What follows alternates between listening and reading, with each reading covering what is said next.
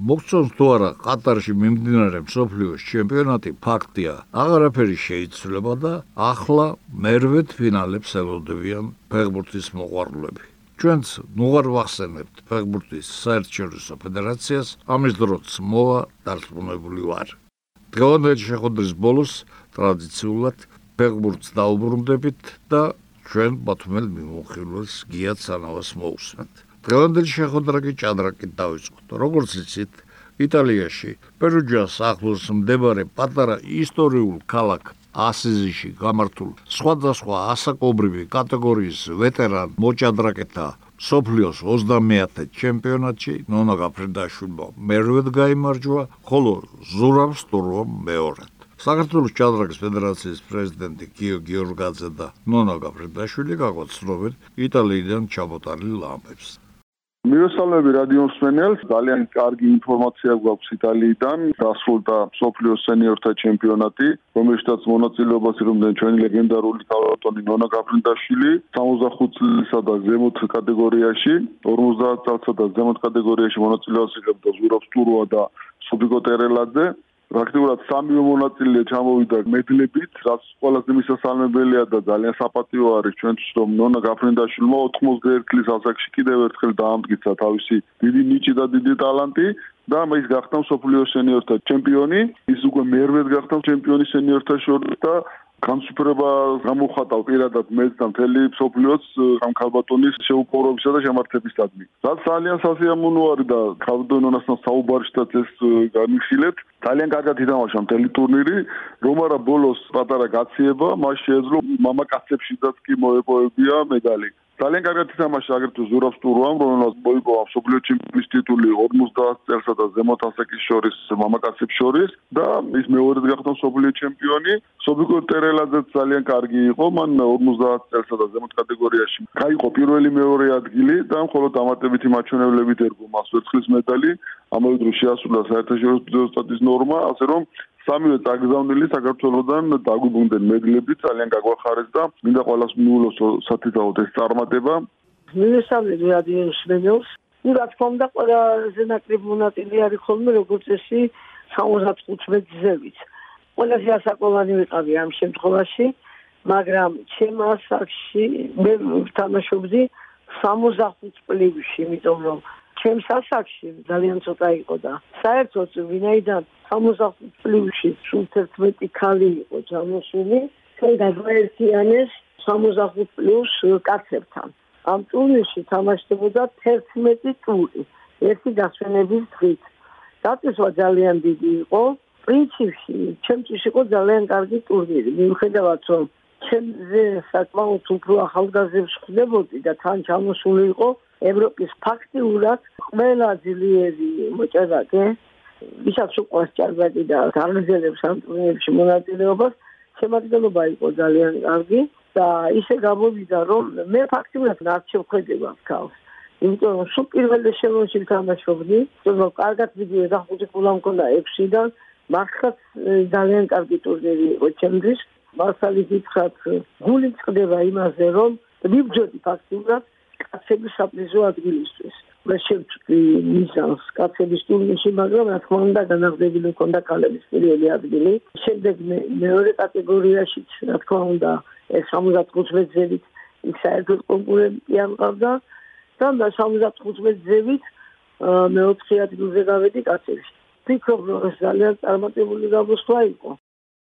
არჩევა შეგიძლია მიჩეო ადამიანებს, ვისაც უნდა უფრო ხანგრძლივად კარგად გამოვიდენო.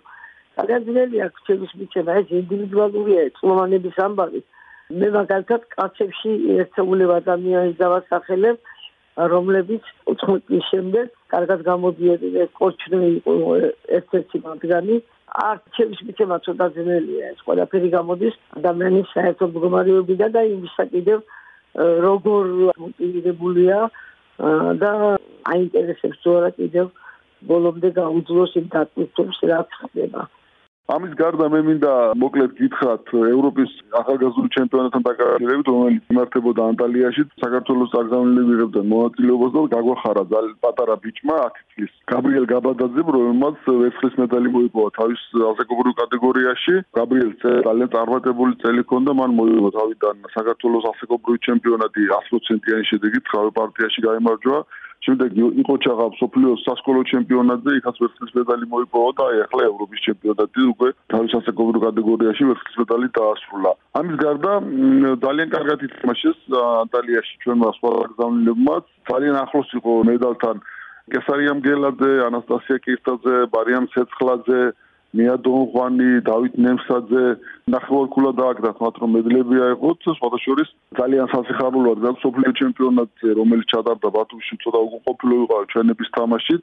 აი ახლა ამ ევროპის ჩემპიონატზე ძალიან ბევრმა კარგად ითამაშა და ყველა კონკურენციაში იყვნენ და ბოლომდე იბრძოდნენ მედლებისათვის და ეს ძალიან კარგია, რადგან ქართული ჭადრაკის თაობა ეს არის, რომელიც მოდის და რომელსაც უნდა დაიკავონ შემდეგ ადგილი საქართველოს ეროვნულ ნაკრებში და მე იმედი მაქვს, რომ ეს პატარები და ეს ბავშვები და ახალგაზრდები გააგრძელებენ წინსვლას. ვიტყვი რომ ქალთა ნაკრების ლიდერი ნანა ზაგნიძე იმპოზება ინდოეთში კალკატაში იმართება ძალიან დიდი საერთაშორისო ტურნირი Tata Steel, ცეკვია ამ ტურნირს 10 საუკეთესო ქალი იღებს მასში მონაწილეობას. ტურნირი იმართება სტრაფჭადრაკში და 3-დან 3-ე მოიგო ნანაძანგიძემ და ერთგულოვნად ლიდერობს ტურნირს. მე იმედი მაქვს, რომ ანა ესე შემართებით გააგრძელებს და დაგვიბრუნდება გახარებული. ხოლო დავამატებ, უბრალოდ შეგახსენებთ, რომ ჭადრაკში გამორჩეულად ნიჭიერნი აღწევენ წარმატებას ნებისმიერ ასაკში, რაც კიდევ ერთხელ დაადასტურა ამ ბოლო პერიოდის ტურნირებმა. ახლა ძიუდოს გორის სპორტის სასახლეში გამართულ ევროპის საკლუბო ჩემპიონატი ჩემპიონთა ლიგა გავიხსენოთ. როგორც ყოველთვის სპორტული ჟურნალისტი ძიუდოს საერთაშორისო ფედერაციის კომენტატორი გიორგი ჩანიშვილი.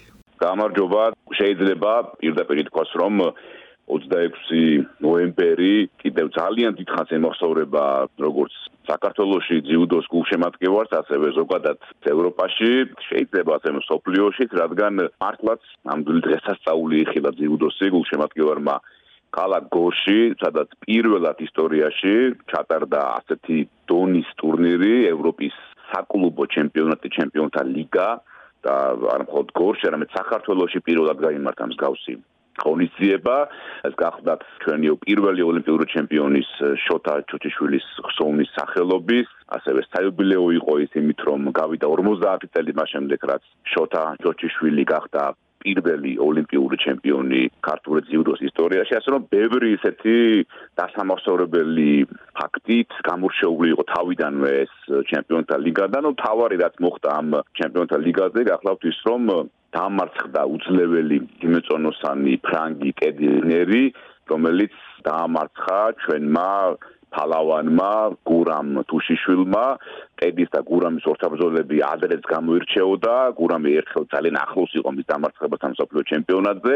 ამჯერად კი როგორც იქნა თქვა გატყვა ეს ნავსი და ისტორიული დღე შეიძლება ითქვას გამოდგა ამ ხრივაც რომ თუშიშვილმა დაამარცხა რინერი პირველად ისტორიაში და ასევე ის რომ ის კლუბი სადაც გამოდიოდა თუშიშვილი ფაიტერი ანუ მებრძოლი კაცთა შორის გახდა აი ამ საკლუბო ჩემპიონატის გამარჯვებული და ამხრივად გამორჩეული გამოდგა ეს ტურნირი. ნუ რა თქმა უნდა, ტედრინერი საკმაოდ გულგატეხილი იყო მარცხის შემდეგ, თუმცა მას ძალიან კარგი იუმორის ცნობა აქვს და მან გაეცეთა რამ თქვა, რომ მე რომ თვითონ და გორში ამდენი ადამიანი იყო ჩემი გულშემატკივარი და ამდენი ადამიანი მიცნობდაო საქართველოსიო ადრეც ჩამოვიდოდიო საქართველოსი ის იყო პირველად ესეთი დონის სპორტსმენი ძიუდოში და თავად აქამდე არ ჩამოსულა არასოდეს ის ლეგენდა ამ სოფლიო ძიუდოსი ვიცით 10 კრის სოფლიო ჩემპიონია რაუზის ევროპის ჩემპიონია და ორგზის ოლიმპიური ჩემპიონია და მისი ხილვა გორის გულშემატკივარმა მოახერხა პირველად ისტორიაში ასე რომ დარბაზში იყო საოცარი ატმოსფერო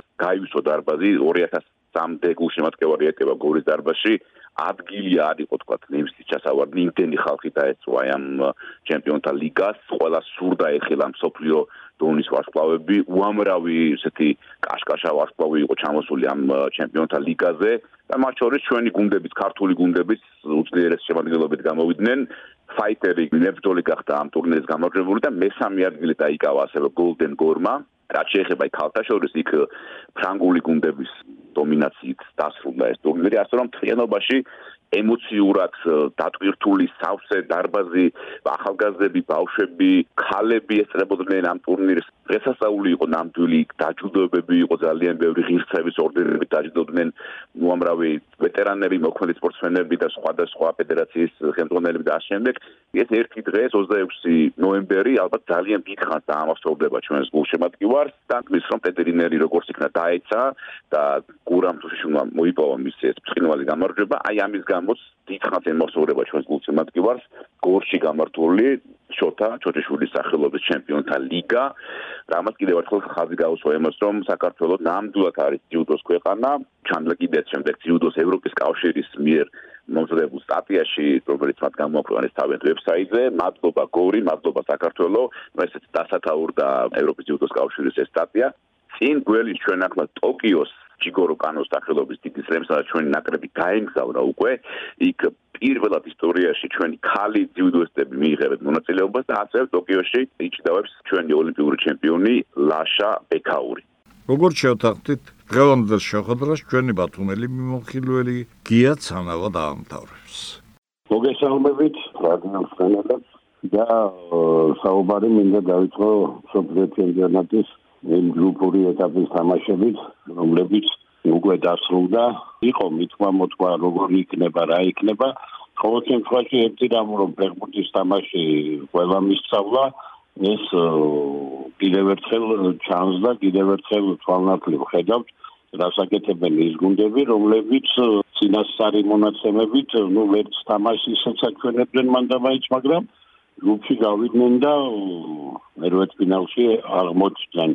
თუმცა უნდა ითქვას, რომ კარგი საბეჭდილება დატოვა ჩემი თვალსაზრისით მექსიკის ნაკრებმა, რომელიც ნამდვილად იმსახურებდა შემდეგ ეტაპში გასვლას, მაგრამ ვერც ისინი გავიდნენ. ნუ გერმანელებზე რა შეიძლება ითქვას, საოცარი რამ მოხდა, ალბათ არა მარტო გერმანელებისთვის, აფერბურთო სამყაროსთვის, იმიტომ რომ ასეთი შემადგენლობის ისევე როგორც ბელგიელები, ისეთი დაკომპლექტებული ისეთი ფეხბურთელებით როგორც ეს ნაკრებები იყვნენ, მართლაც როგორ უნდა მოინჯოვოს გუნდმა შეიძლება არის ვის დავაბრალო და ვის ველაპარაკო რომ ესეთი ფეხბურთელებიდან შემდგარი ნაკრები ვერ გავიდი გუფიდან. ნუ ფეხბურთია და ვითარდება ფეხბურთი ყველანები ძალიან კარგად ხედავთ რომ აღარ არსებობენ. ის გუნდები მით უმეტეს სოფლიო ჩემპიონატზე მოსული და ჩამოსული გუნდი რომელიც მოხდა გაიარა ყველა საკვალიფიკაციო ეტაპი და ამ დონეზე თამაშობს ყველანაირ სუპრის ასეთი გუნდებიდან უნდა ველოდოთ და ხდება კიდეც. იმ ბოლო ტურში რომელიც გამართება იქაც ბევრი რამ გასარკვევია ნახოთ ჩემპიონატი ახლა იწყება მე ასე ვფიქრობ იმიტომ რომ მერვე ფინალებიდან უკვე თამაში მეტი აღარ აქვს უნდა გამოხვიდე რაც შეიძლება უნდა გააკეთო იმიტომ რომ იმისიკეთ უკან დასაბრუნებელი გზა მხოლოდ და მეტი არაფერი. საინტერესოა მე ვფიქრობ სოფლიო ჩემპიონატი საინტერესოდ მიდის და კიდევ უფრო საინტერესო მატჩები მე ვფიქრობ და სიურპრიზებიც რა თქმა უნდა წინ ველოდება ამაში დარწმუნებული ვარ.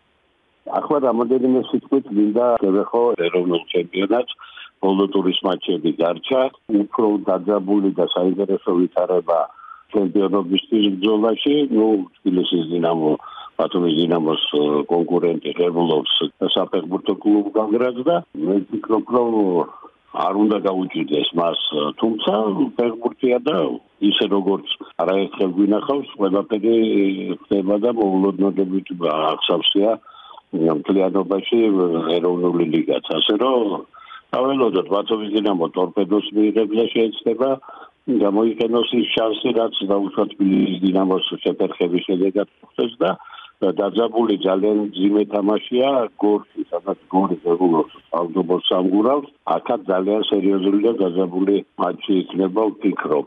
ასე რომ შაბათი და მომდევნო დღეებიც ფეხბურთითა გადატვირთული ტელერეპორტაჟები რომ არ გამორჩება თამაში კი დარწმუნებული ვარ. ჯანმრთელობას გისურვებთ და ერთი კვირით გემშვიდობებით